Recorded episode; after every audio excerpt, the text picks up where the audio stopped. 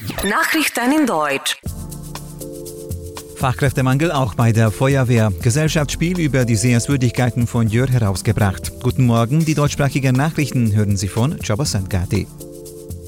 Die Feuerwehr kämpfe mit maßgeblichem Personalmangel. Die Stimmung der Belegschaft sei schlecht, die Fachleute seien überfordert, unterbezahlt und unmotiviert, sagte der Präsident der unabhängigen Gewerkschaft der Berufsfeuerwehrleute, Lajos Salamon, dem Tageszeitung Magyar Nemzet.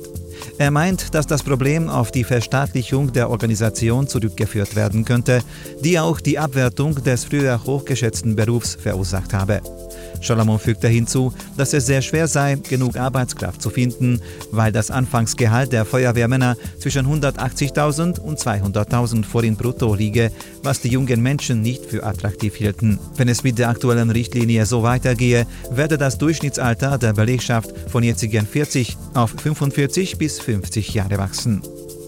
Experten rechnen damit, dass ungefähr 90.000 Autobesitzer ihre Kfz-Versicherung wechseln werden. Die Kampagne, welche bis zum Ende des Jahres dauert, startete vorige Woche bei den Versicherungsgesellschaften. Grund dafür ist, dass die Anleihe beim Drittel der Fahrzeuge am Ende des Jahres abläuft. Die durchschnittlichen Gebühren liegen bei 20.000 Forint im Jahr, was einer 10 bis 15-prozentigen Verteuerung entspricht. Wir können die Sehenswürdigkeiten, die Geschichte, die Kultur und andere Werte von Jör mithilfe eines neuen Gesellschaftsspiels mit Spaß kennenlernen. Entwickelt wurde es von Adam Vukovic, dem Professor der Sechenistvan-Universität. Er sagte, dass er nach dem Schreiben eines Reiseführers ein Gesellschaftsspiel erstellen wollte, das die Stadt, unsere Werte und Traditionen auf spielerischer Weise vorstellt. Eine weitere Besonderheit ist, dass zum Spiel auch ein kleiner Reiseführer gehört, der über die Sehenswürdigkeiten auf den Karten Einzelheiten verrät. Mit der Verwendung von QR-Codes sind auch für Smartphone- oder Tablet-Benutzer weitere Informationen, Fotos und Videos erreichbar. Die Markthalle in Jör wird mit einem Investitionsvolumen von 3 Milliarden Forint erneuert. Die Modernisierung betrifft nicht nur den Marktplatz. Es wird die Straße der Händler ausgestaltet, neue Parkplätze gebaut und die Umgebung verschönert.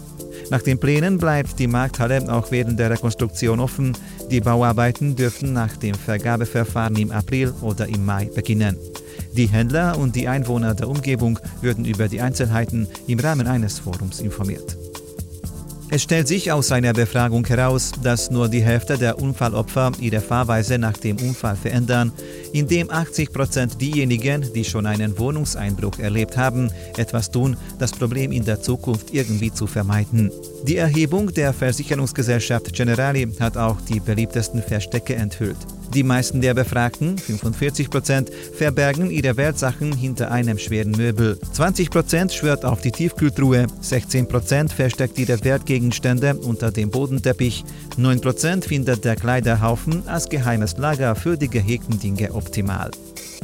Die Zahl der Milliardäre weltweit und ihr Vermögen sind im vergangenen Jahr laut einer Studie gestiegen. Wie aus einer Untersuchung der Wirtschaftsprüfungsgesellschaft PwC und der Schweizer Großbank UBS hervorgeht, gab es 1542 Milliardäre. Das ist ein Zuwachs von 10 Prozent. Besonders stark war der Anstieg in China.